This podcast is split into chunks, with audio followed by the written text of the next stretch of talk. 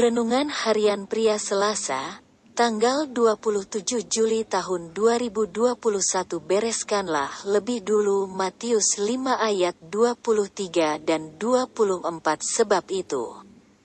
Jika engkau mempersembahkan persembahanmu di atas mesbah dan engkau teringat akan sesuatu yang ada dalam hati saudaramu terhadap engkau. Tinggalkanlah persembahanmu di depan mesbah itu dan pergilah berdamai dahulu dengan saudaramu, lalu kembali untuk mempersembahkan persembahanmu itu. Di dalam agama dan masyarakat Yahudi ada satu upacara tahunan, yaitu Hari Raya Grafirat atau Hari Raya Pengampunan. Hari raya itu dilakukan dengan tujuan memperoleh pengampunan atas dosa-dosa yang telah dilakukan oleh seluruh bangsa Yahudi.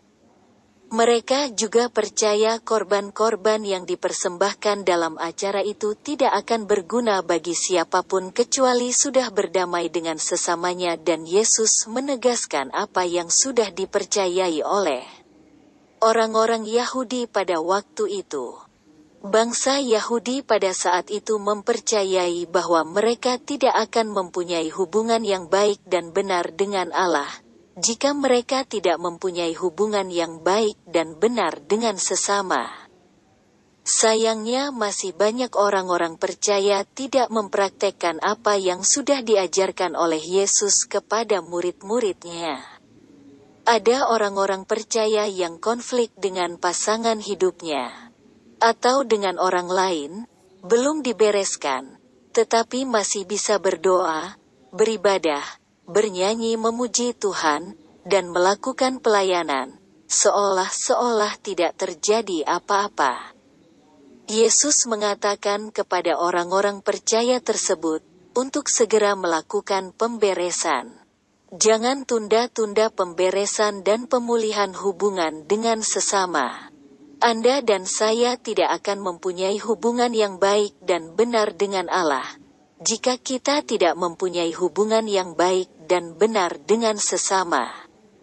Jikalau seorang berkata, "Aku mengasihi Allah," dan ia membenci saudaranya, maka ia adalah pendusta, karena barang siapa tidak mengasihi saudaranya yang dilihatnya, tidak mungkin mengasihi Allah yang tidak dilihatnya. 1 Yohanes 4 ayat 20, refleksi diri, apa yang firman Tuhan katakan kepada Anda?